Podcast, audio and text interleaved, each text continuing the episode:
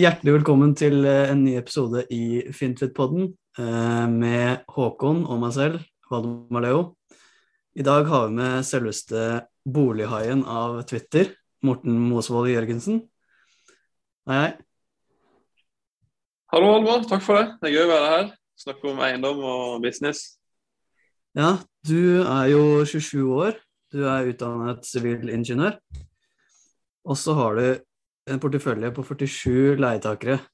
Dvs. Si, eh, en inntekt i året på 3,5 mill. Hvordan, eh, hvordan klarte du det? Uh, ja, uh, det er jo uh, um, Det har jeg ikke trodd sjøl, egentlig. Men nå sitter jeg her da. Men det var egentlig bare å finne et bra konsept som funka, og så holde seg til det. Så bygge stein på stein, egentlig. Mm. Eh, og da, da, vokser det. Da går det fort. Og så fikk jeg litt vind i ryggen her i et par år med, med noen boligpriser som steg litt. Og så har jeg pussa opp. Så fikk jeg på en måte to flere ting da, som jobba sammen. Og så har jeg hatt så høye leieinntekter at jeg kan skalere når egenkapitalen har vært tilfredsstillende. Eh, så det er en kombinasjon da, av at man klarer å betjene lånet, og at man får på en måte skvist ut mye av eiendommene og, og får en prisvekst. De tingene der, da. Ja, vi kommer sikkert til å gå litt mer i dybden på det. Ja. Uh, ja. Startet du rett med utdanning etter videregående, f.eks.? Nei, jeg gikk etter på folkehøyskole først. Uh, det er jo så ene søster mi òg anbefalte det. Så jeg gikk et år på Nordfjord folkehøgskole på, på, Vestlandet. Det var ganske kult. Mye sånn idrett, ski og surf helt linje. Og så året etter så, så satsa jeg på idrett med en orientering. Eh, og eh, tok opp matte, R-matte. Jeg måtte pynte litt på den karakteren. Så ble det ingeniørstudie i Trondheim, da. Så er det to år imellom, faktisk. Ja. Jobbet du noe for å bygge opp egen, egenkapital da, eller? Jeg jobba ikke da. Da var det egentlig full fokus på idrett. Eh, egentlig fram til drøyt år siden. Så da var det um, egentlig bare to økter om dagen. Eh, hvile, sove, spise, litt skole. Ganske, egentlig ganske behagelig livsstil. Eh, så jeg kan ikke skryte av noe sånn veldig sånn høsling på jobbfronten da. Det gjør jeg ikke. Altså For du er jo 27 år eh, og har bygd opp den porteføljen på to og et halvt år. Uh, ja. Tok du noe valg under ungdomstiden som gjorde, gjorde, deg bedre forberedt på en såpass eh, bra vekst? Nei, jeg tror ikke det. Uh, det var egentlig en ganske vanlig ungdomstid. Det var ikke noe sånn ja det var ikke mye uh, ofring eller overtid og helgejobbing. Det var ingenting sånne ting. Uh, det var egentlig først da jeg bestemte meg for ja, sommeren 2019 at alt, kommer, alt, kommer, egentlig av investeringene og verdiskapninga. Det er ikke noe sånn som veldig mye før det. Det var jo kapitalen, Statskapitalen var jo en blanding av, av flere ting. da. Det var jo ja, brukt litt av studielånet. Eh, eh, har jo jobba et par somre som ingeniør og som feltingeniør i Nordsjøen og konsulent. Og så var det meste av det var et hyttesalg. Eh, som familien solgte, da, så fikk jeg en tredjedel av det. Mm. Ja. Dagens portefølje, består den mest av leiligheter eller det huskompleks? Eh, altså du har nå 47 leietakere, var det det? Ja. Ja, stemmer. Nei, det er jo um, fordelt på elleve leiligheter, da, enheter. Uh, og så har jeg ett bygg med fire leiligheter i ett. Så jeg har på en måte syv eiendommer, elleve leiligheter, og så er det mye kollektiv. da, Leiet på enkeltkontrakter. Så totalt så er det jo 47 mennesker som bor i de.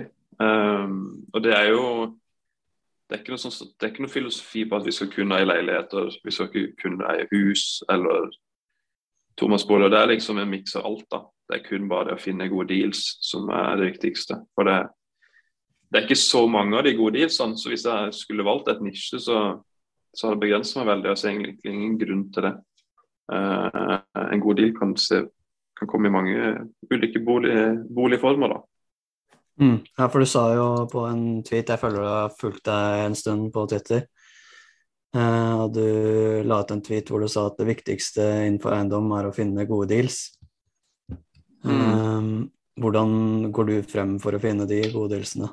Er det for det meste oppussingsprosjekt, eller er det flipping, eller ja? Ja, eh, jeg var jo litt så nysgjerrig på Jeg undersøkte flippinger, men i mitt hue så er flipping på en måte bare en vei til å nå et større mål. Eh, for det, det jeg tenker da, det, det, er om å gjøre bygge Jeg er kanskje litt så slapp mentalitet, men jeg tenker det er om å gjøre bygge så høye passive inntekter som mulig. Det er mitt mål. Og når du oppnår det, så kan du se skal okay, skal du fortsette å høsle og stå på, eller skal du chille. Det er i hvert fall fint å ha muligheten, da. Uh, og den flippinga er egentlig bare en måte å bygge kapital på som du kan putte inn i en langsiktig portefølje. da. Uh, for det over 3-5-10, liksom 20-30 år, da, så er det jo om å bare være fullinvestert i markedet og ha så mye som mulig eiendom. Det er det som er lukrativt. Eh, du kan på en måte det krever ikke så veldig mye. Du må eie eiendommene og sitte på det. Og hvis jeg ikke hadde hatt noe særlig kapital, eller hvis jeg hadde bodd i Oslo og det hadde vært mye mer kapitalinsentivt, du kanskje måtte ha 40-50% egenkapital og ikke 20 så ville jeg kanskje flippa på veien da. Men um, nå trengte jeg ikke det, for det, for det er på en måte jeg kunne skalere uh, eh, ubegrensa uh, eh, så lenge egenkapitalen var der. Uh, så da har det vært egentlig alt som skaper verdi. Uh, Oppussing uh, gjør jo veldig ofte det. Jeg har pussa opp alt egentlig uten én leilighet. Uh, og på det meste så har jeg brukt 50% av kjøpsummen i oppussing. Uh, og på det minste så er det kanskje 10 Så det er jo vanskelig å komme unna den oppussinga. Det er klart du kan jo og det er liksom banker nå da, Hvis du skal gå til en bank og si ok, jeg kjøpte eiendommen for tre millioner, jeg har vært fire, uh, kan jeg hente ut den kapitalen? Og så har du ikke gjort noen ting. Uh, da blir de skeptiske. For det, de, vi har diskutert litt på Twitter at den kjøpsummen anser de som markedsverdien. Uh, og det er jo helt feil, for du kan jo kjøpe en eiendom til markedspris. Du kan jo by en million for mye, du kan by en million for lite. Men det er på en måte det, den linja det har lagt seg på. da. Så da må du gjøre et eller annet for å kunne forsvare en verdistigning, ikke bare et godt kjøp. Men da på en måte kan du jo ikke kamuflere, men da kan du på en måte ta det, den rabatten du kjøper på, da, hvis du finner en ekstra god deal, kan du på en måte ta med inn i oppussinga når du går til en megler for ny verdivurdering. Så det vil si at det har jeg gjort på mange av mine kjøp. At de egentlig har vært med det jeg bydde. Eh, og så pusser det opp, og så kan du kanskje få enda mer drahjelp da, på det gode kjøpet. Eh, ja, egentlig kort fortalt, da. For det er jo um, um, Si at det er kanskje én av 100 eller 200 eiendommer da, som treffer mine kriterier. Så er det ikke sånn at det er akkurat nøyaktig markedspris. Det er jo, det er ikke sånn. Nei. Ja, man vil jo gjerne få det billigst mulig, eh, og så kan man vel skrive av eh, oppussingskostnadene på noe ja. skatt. Ja. ja. privat så er det jo Hvis det er vedlikehold, da, og det er det ganske mye som altså Hvis du hadde på en måte et sånn gjennomsnittlig IKEA-kjøkken på 80-tallet, og du har et gjennomsnittlig IKEA-kjøkken nå, eh, og det må byttes ut, så er ikke det en oppgradering. Og da kan du skrive av det som vedlikehold. Eh, så det gjør at du kan ta med deg eh, en del år med skattefri da, hvis du pusser opp mye. Så det er noe jeg har nytt godt av. da, at du ja, slipper Pusser du opp sjøl, eller har du fagfolk til det? Um, jeg gjør som jeg kan, men jeg begynte jo å investere da jeg studerte i Trondheim. Og så hadde jeg sommerjobber da, i Molde og i Nordsjøen. Så jeg har jo alt av møbler og inventar og alt sånne ting jeg har gjort. Og så har jeg gjort noe riving og nei, sånne enkle ting, litt småsnekring, kanskje noe maling og sånn. Men eh, jeg er ikke så handy, og for meg så OK, jeg kunne kanskje spart jeg totalt nå, da, så har jeg kanskje pussa opp for tre millioner, da. Til fire millioner i porteføljen. Så kunne jeg kanskje gjort alt selv. Eh, da hadde jeg sikkert spart to millioner, men da hadde jeg brukt mye lengre tid. Og så kunne jeg ikke brukt min tid på verdiskapning og andre oppgaver som gir meg en høyere liksom, avkastning. da. Så man må på en måte, man må ikke se seg blind på, på det. Man må på en måte jobbe der det er mest effektivt. Og For meg så kan jeg kanskje bruke 10 timer ekstra eller 100 timer ekstra på å finne ekstra god deal. Og da kan jeg heller sette vekk alt av oppussinga, og så totalt sett så blir det bedre. Så man må på en måte se det store bildet, da. Og det er ikke alltid helt åpenbart hva som er det beste å bruke tida si på. Mm. Ja, hvordan uh, gikk du frem videre etter f.eks. første utleiebordet Uh, hvordan skalerte du videre etter det? Nei, Den første den hadde jeg jo uh, Det var en halvdel av en tomannsbolig. jeg gikk fra fire til seks overrom. Og så traff jeg en GIL på ca. 10 Uh, og så fikk jeg en liten periode med prisstigning, og mest av alt var det bare den der eh, oppgraderingen min, egentlig. Uh, så jeg bygde litt egenkapital, og så øh, jobba en del selv. Jeg fikk litt studielån òg, jeg vet ikke om det banken tok med det eller ikke. Du får jo 120 000 inn der. Så på en måte totalt sett da, så fikk jeg det med på en til. Og så kjøpte jeg en til 200 meter borti gata. Uh, helt samme greia, fire soverom. Jeg gikk til seks soverom. Den kosta litt mindre, da. Jeg pussa opp enda mer. Så det var egentlig det ble et bedre objekt. da. Og da var jeg på en måte inni det, og da skjønte jeg det her. Dette funker. Og ja, så fikk hun trygghet da. Så, og så leverer du gang på gang. Og da, da stoler de på deg, og de skjønner at det her er han her, han her uh, taper ikke penger på. Ja. du har et uh, aksjeselskap nå? Investerer ja. gjennom? Ja. Jeg gjorde det. Så uh, nå har jeg tre enheter privat. Uh, kunne hatt fire, men jeg trengte kapital i selskapet for å vokse. Ja. Så flytta jeg nå inn der, og så, så er jeg holdingselskapet som jeg eier da, til eiendomsselskapet. Og så har jeg bare samla foreløpig samla alt i et selskap. Jeg kjører ikke sånn single purpose ennå. For det, det er ikke så Det er mye vanlig å gjøre hvis du har litt større eiendommer, næringseiendommer og sånn. Ja. Hvilke, hvilke, fordeler, eh, hvilke, fordeler, er det med å ha aksjeselskap uh, som driver med utleie, og hvor mange boliger burde man ha for å dra nytte av de, da? Ja, Det er vanskelig spørsmål, for det, det kommer veldig an på Jeg tror det kommer an på hvilket marked du opererer i. Jeg tror det kommer på eh, hverdagen din ellers. Eh, om du på en måte tenker at dette skal bli den nye jobben min, og, øh, og om når du trenger penger, da, for det Hvis du putter inn øh, eiendom i et aksjeselskap, så øker renta med kanskje en prosent i hvert fall. Uh, du kan ta ut penger du har putta inn, da, men etter du har tatt ut det, så er det jo 50% skatt før du får nyttiggjort av det.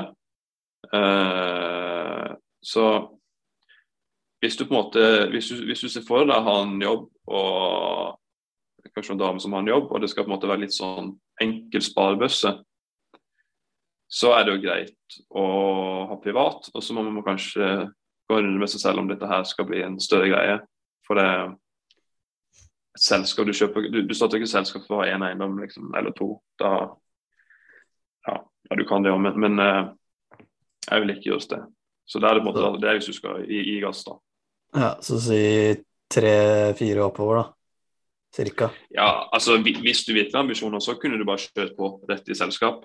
Eh, ja. men, men, så har du det uh, Du kan jo låne opp på Du har fem ganger privat, men du har en jobb også og du kan låne opp på en inntekt. I selskap så kan du ikke låne opp på en privat inntekt.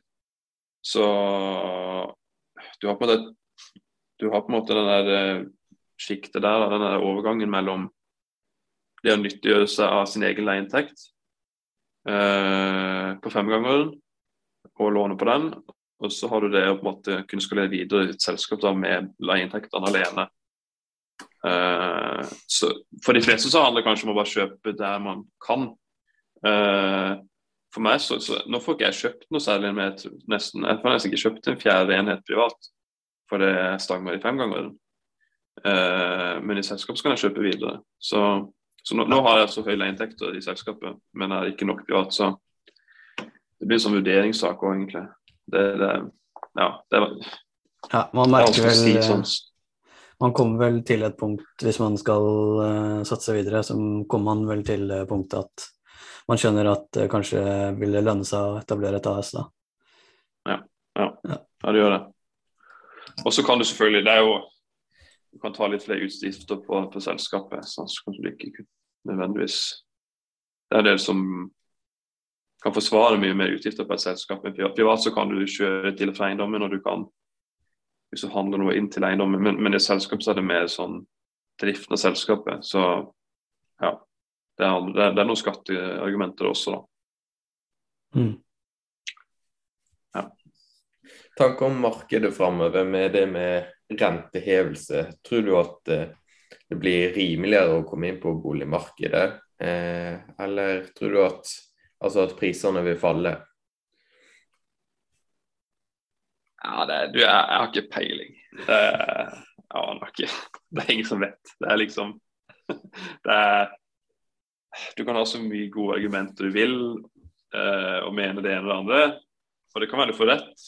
Og da er du sikkert veldig fornøyd med at det ligger rett. Og det er sikkert noen som får mer rett enn andre òg, på sånne spådommer.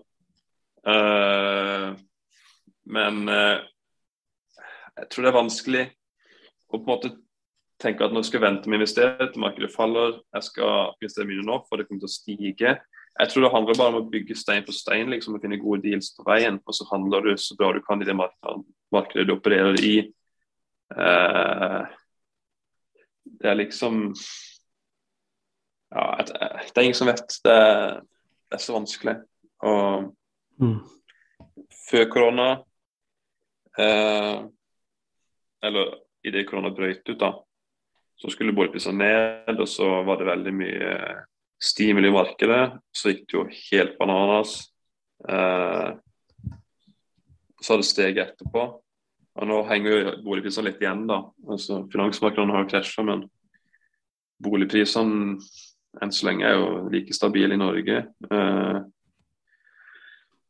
så nei, vi får se uh, om et halvt år, et år, hva som skjer. Da er det vel ganske deilig å ha utleie som sin nisje, da, er det ikke det?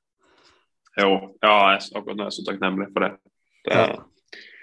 det er jo liksom Ja, det er mest studenter der ute, da. Og de er jo um, Det som skjedde under korona og under finanskrisa, sikkert 2008, mener jeg, så, så var det mange flere som studerte, de fikk ikke jobb. Og da trenger de jo bolig, og det er akkurat sånne ting jeg leier ut til. Så, og de får jo alle får studielån fra staten. Eh, det øker litt hvert år. Eh, jeg har inflasjonsjusterte kontrakter. Eh, ikke sant? Og høy gild. Så det er så robust som du kan få det i mine øyne. Eh, så du må sitte med en, en Luna eller en uh, Ethereum eller uh, Eller vet ikke, altså vekstaksjer eller teknologi eller grønne. Det det virker så gambling i forhold. Det er så Ja. Det er, og jeg, jeg er jo gira. Jeg er jo så gira som bare som jeg klarer. Men jeg er fortsatt ikke bekymra. Mm.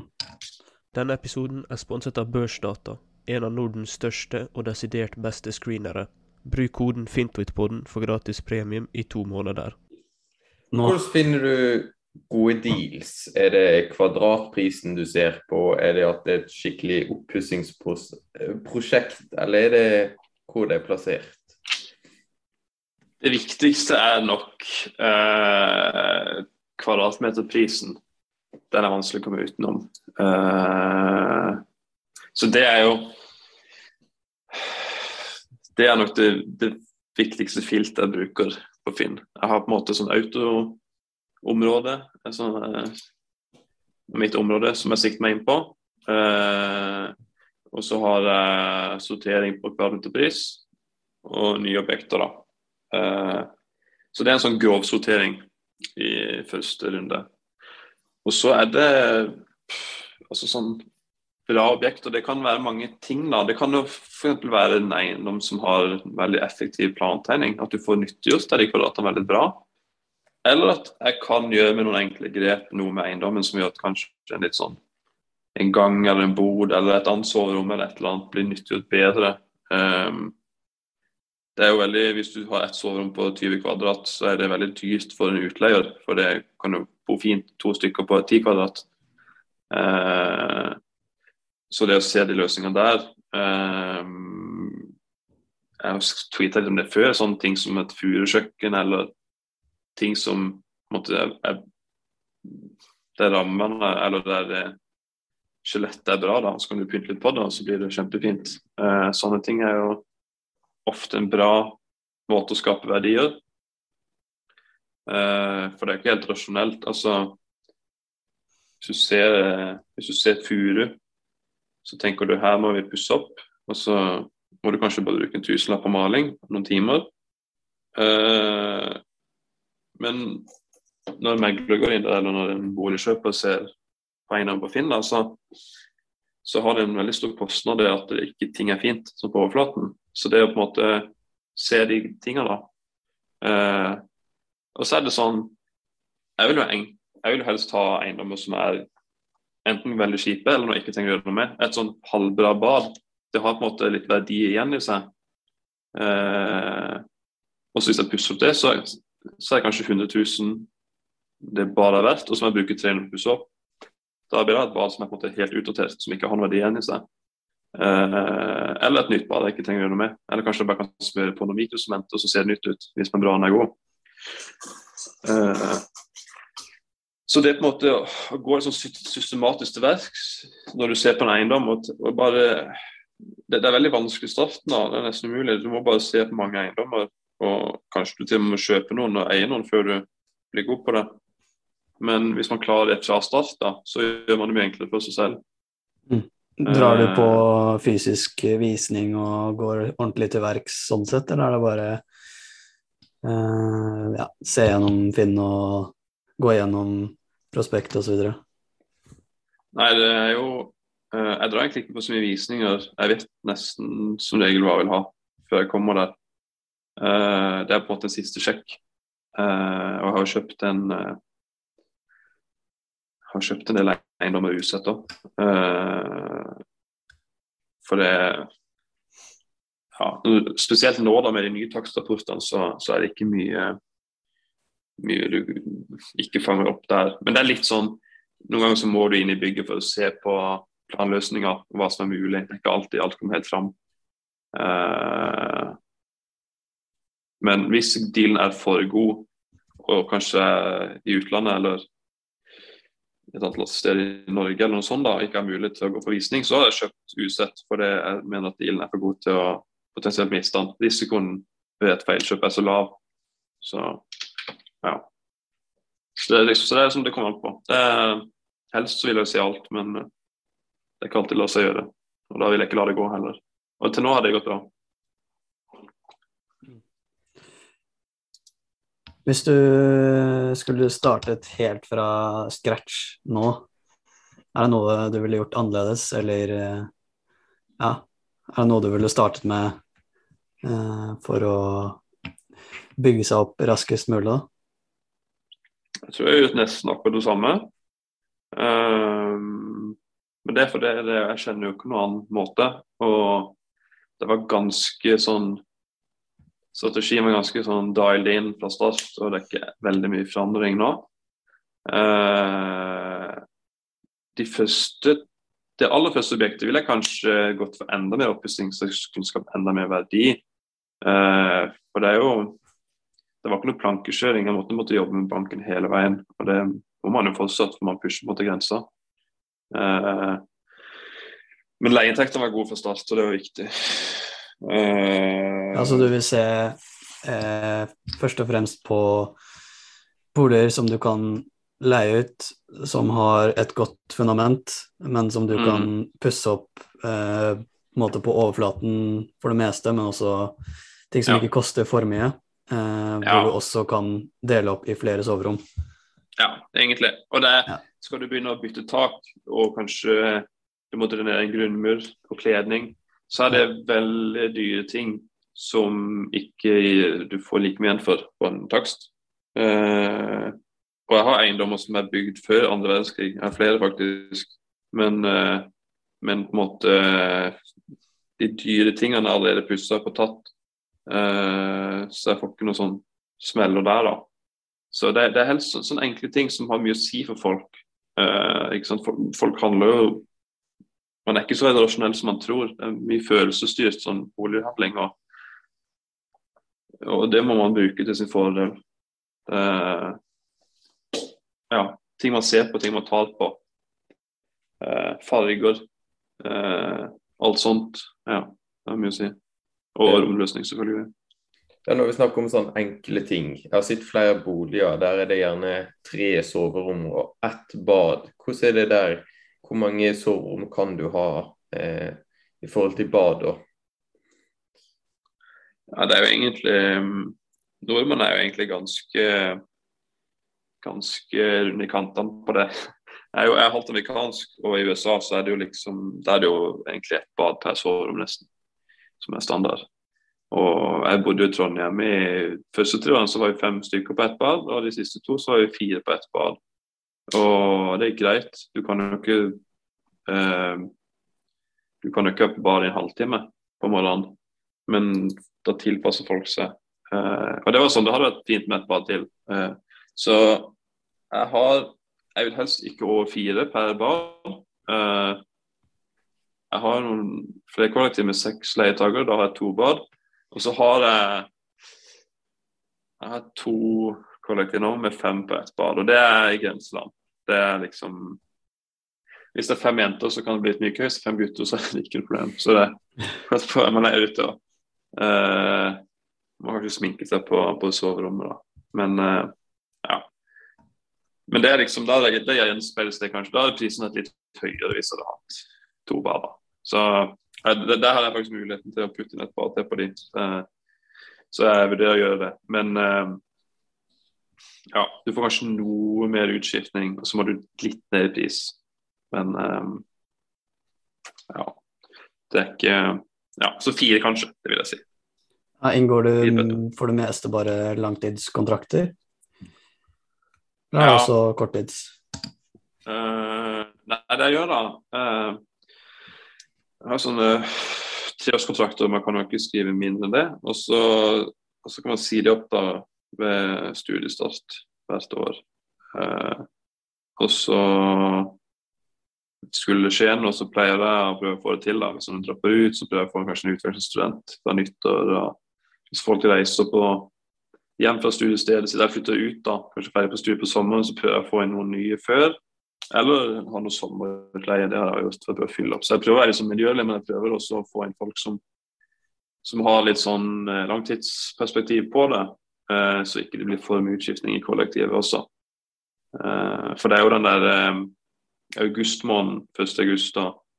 Da, da, da, da, er det jo veldig kamp om boligene. Da er det jo Jeg blir ringt ned, vet du. Når, så det er jo Ja, da, er det veldig mange som skal ha sted å bo. Og så og når man har så mange som er interessert i å bo i akkurat ditt kollektiv, så vil man jo kanskje ha de som også ser for seg bo der en stund. Eh, og ikke de som dropper ut om to måneder, eller som er veldig usikre på studiet sitt og ikke er så motivert og sånn, da. Mm. Hvis vi skal gå over på noe litt mer risikabelt, eh, har du noe erfaring med fremleie? Mm, nei, jeg har ikke noe erfaring med det, men jeg vet jo jeg følger jo litt folk i eiendomsmiljøet. mest i USA, egentlig. Det er del som gjør det. Uh, du har jo litt forskjellig approach til det. Du, jo, du, kan jo på en måte være en cowboy, og så kan du bare leie den. Og så kan du fremleie den uten å spørre, eller bare Airbnb den. Uh, og så har du kontrakter der det kanskje er definert at det er lov, eller der man spør om lov først. Uh, så det er helt klart en måte å tjene penger på. Det er en slags sånn arbitrasjemulighet. da. Jeg tror du er kjent med det uttrykket, men det er sånn ja. Eh, det, altså alle markeder så er det jo litt sånn som vi kjøper boliger, da. At du på en måte har noe som noe er verdt, og så er kanskje folk villige til å betale mer eller mindre, eller kan kjøpe det for mer eller mindre. Og så kan du nyttiggjøre av den markedskunnskapen du har, da. Og det er en arbitrasje i eiendom. Det å, å se liksom feil leiepriser. Eller, ja. Mm. eller å leie på langtidsstue, og så kan du Airbnb-en. Så det er en mulighet. Det er, jeg gjør ikke det, for det Min mening er at i eiendom så skaper du verdier ved å ha eierskap på det over tid. Og la på en måte verden gå sin gang, og så kan sentralbanken trykke de pengene de skal hvert år, og så stiger prisene, eller inflasjonen spiser opp. da. Så eh, jeg syns det er altfor mye styr for de pengene. Da vil jeg heller fokusere på eierskap. Men eh, for all del, hvis du kan lage et godt konsept og du kan skalere det, og sånn, så er det sikkert noen, sikkert noen penger å tjene der. Ja, det er nok eh, tryggere verdiskapning over tid, det du driver med, enn eh, fremleie, da. Ja, ja. Um, har du noen tips og triks uh, når det gjelder utleie? ja, det, det er så Det er så mye man skal lære seg. Det er det er sånn, eh, I starten så vet man egentlig ikke hva man lurer på. Du har tre spørsmål. Ja. Det er så gøy. Jeg får jo veldig mye spørsmål på Twitter. så det er sånn, De spør meg et spørsmål, og så vet jeg det er 100 spørsmål du egentlig burde stilt, og som du kommer til å lure på eh, veldig snart. Eh, så du må på en måte begynne å du må bare begynne å bygge opp den kompetansen der. Eh, altså Tips der er jo Hvis du syns det er kjedelig med eiendom, så er det veldig vanskelig å få det til. For det, det krever ganske mye tid og en interesse. Og en som liker det, eh, er vanskelig å utkonkurrere han hvis ikke du liker det sjøl. Så hvis du syns det er skikkelig kjedelig, så kommer det nok ingen vei. Så hvis du syns det er gøy, og så må du ta litt risiko, og du må nok være litt glup. Ikke for glup heller, men eh, som passe glup. Og så ja. Så er det serviceyrke, og du jobber med mennesker, så du må jo på en måte Du må Mm. gjøre det bra Ja, for folk, da. Ja, du tenker det Det er kanskje best for eh, Ja, hvis man har drive og motivasjon, så mener du at det er best å bare møte på problemene mens man gjør det. Uh, Ja, ja, ja. Ja, det har du sagt uh, tidligere i en tweet, så det ja. Det er, det, du, må, du må kunne litt, du må liksom kunne litt, da. Men, uh, mm.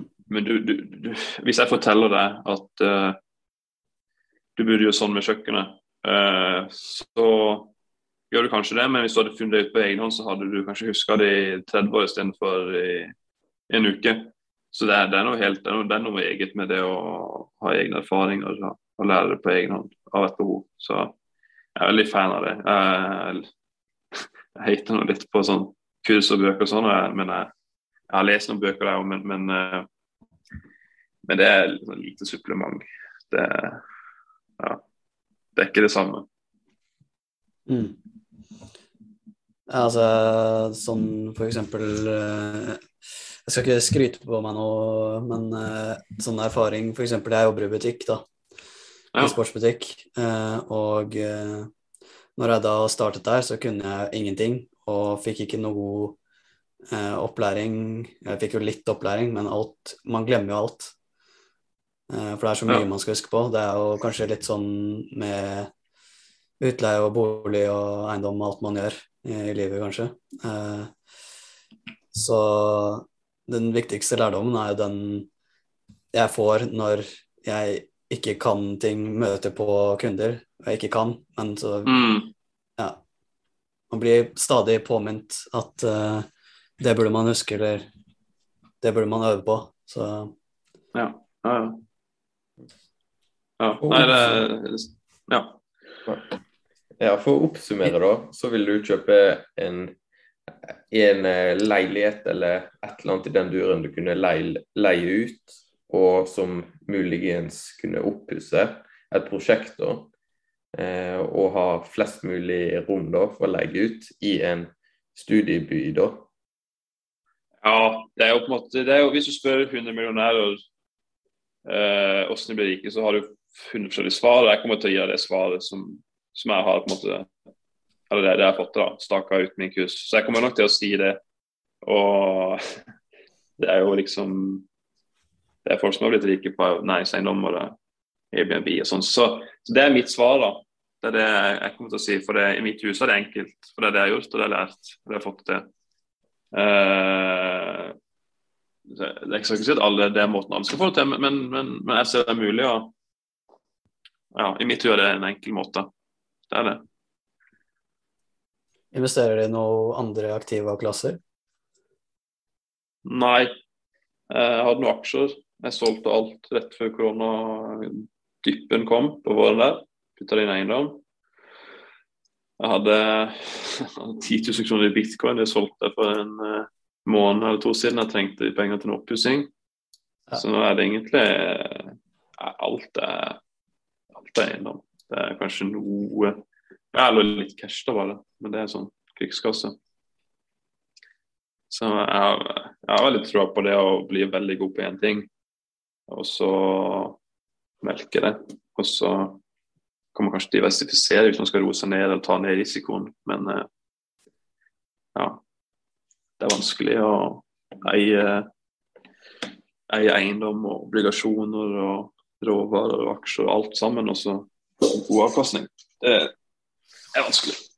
Ja, så er du god på utleie, så hvorfor ikke bare fortsette med det? Bare Ja, ja. melke det videre. Mm. Yes. Og hvis du var student igjen, eh, ville du ha leid ut mens du bodde der sjøl? Eh, ja, om, om jeg hadde bodd i en egen bolig som jeg leide ut? Uh, ja, kanskje. Uh, hvis jeg skulle bodd der i tre år, tatt en bachelor og så flytta, så ville jeg kanskje heller kjøpt et sted jeg tenker her kan jeg eie i 100 år, eller 20. Eh, jeg, jeg kjøpte jo i Kristiansand, og så studerte jeg i Trondheim. Men ja, jeg kunne kjøpt i Trondheim og leid ut fire rom, men, men, men det skjer noe med en gang du tenker at her skal jeg bo, og her skal jeg leie ut, så skjer det en litt sånn interessekonflikt. Det er vanskelig å, det er vanskelig å tenke klart, tror jeg. For da begynner du med en gang å tenke sånn Ja, kanskje jeg vil ha den fargen på, på kjøkkenet, og jeg vil, ja, det kult ha to bad, og skulle jeg satt en parkeringsplass. Så du, på en måte, du blander, du begynner å blande to ting, da. Og og så på en måte prøver du å forsvare det overfor deg selv. da. Det, det, jeg ser det er veldig mange som gjør det. De, det er noe de har lyst på, og så finner de argumentene i ettertid, sånn at det skal passe inn med det. Uh, det er vanskelig å være helt ærlig med seg selv. Er, man måtte lue seg selv, da. Uh, så jeg vil nok heller bare Jeg, jeg ville nesten heller bare bodd i et kollektiv billig under studietida, kanskje til og med etterpå, når du begynner å jobbe i noen år.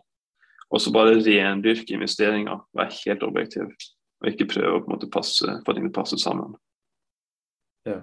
ja, for jeg ser sånn Jeg skal kanskje studere i seks år, og da er det gjerne utgifter på godt over en halv million. Og Mm. om jeg kunne bodd gratis med å leie ut et rom, om det kunne vært en mulighet. Ja, ja og, og det kan du òg. Eh, hvis du får til å kjøpe noe og kanskje leie ut et rom eller to, eller tre. Eh, så vil jo de betale rentene og kanskje en del av avdragene og utgiftene på bygget. Og så har du jo tjent penger, og det er jo veldig bra. Det er jo bedre enn alternativet. Så er det jo det om du skal på en måte pushe det enda lenger og kjøpe noe i en annen by eller et annet sted der du får enda høyere avkastning, og som gjør at du kanskje kan et, et, Og så betaler du 5000 for et soverom i et kollektiv. Det er jo veldig lite å betale. Eh, I studiesteder så kanskje du kan Hvis du kan skvise alle parametrene dine og bare liksom få en superinvestering, så kan du kanskje ende opp med to eiendommer eh, på samme tida, eller tre, eller kanskje du putter inn et selskap, eller kanskje du har såpass mye sommerjobb, eller du har noe sikkerhet hos foreldrene dine, eller et eller annet. da. Eh, så man må på en måte bare se de mulighetene nå, da.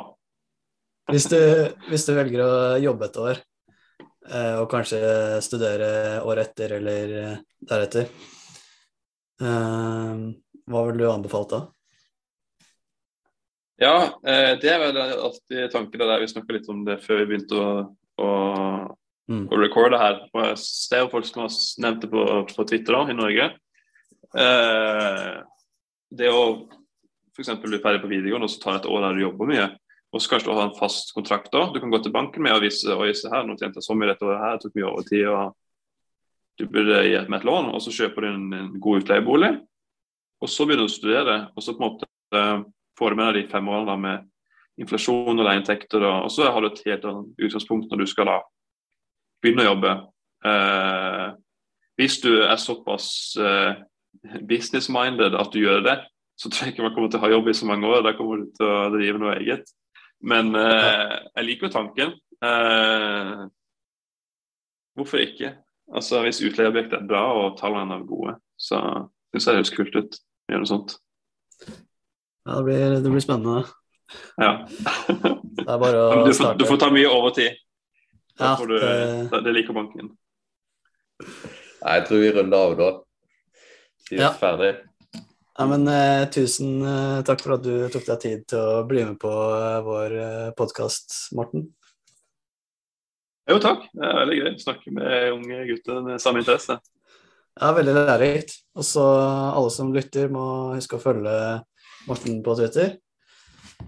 Eh, er at Morten Mosvold. Eh, og så husk å følge Fintutpodden på Twitter, YouTube og Spotify. Og så snakkes vi i neste episode.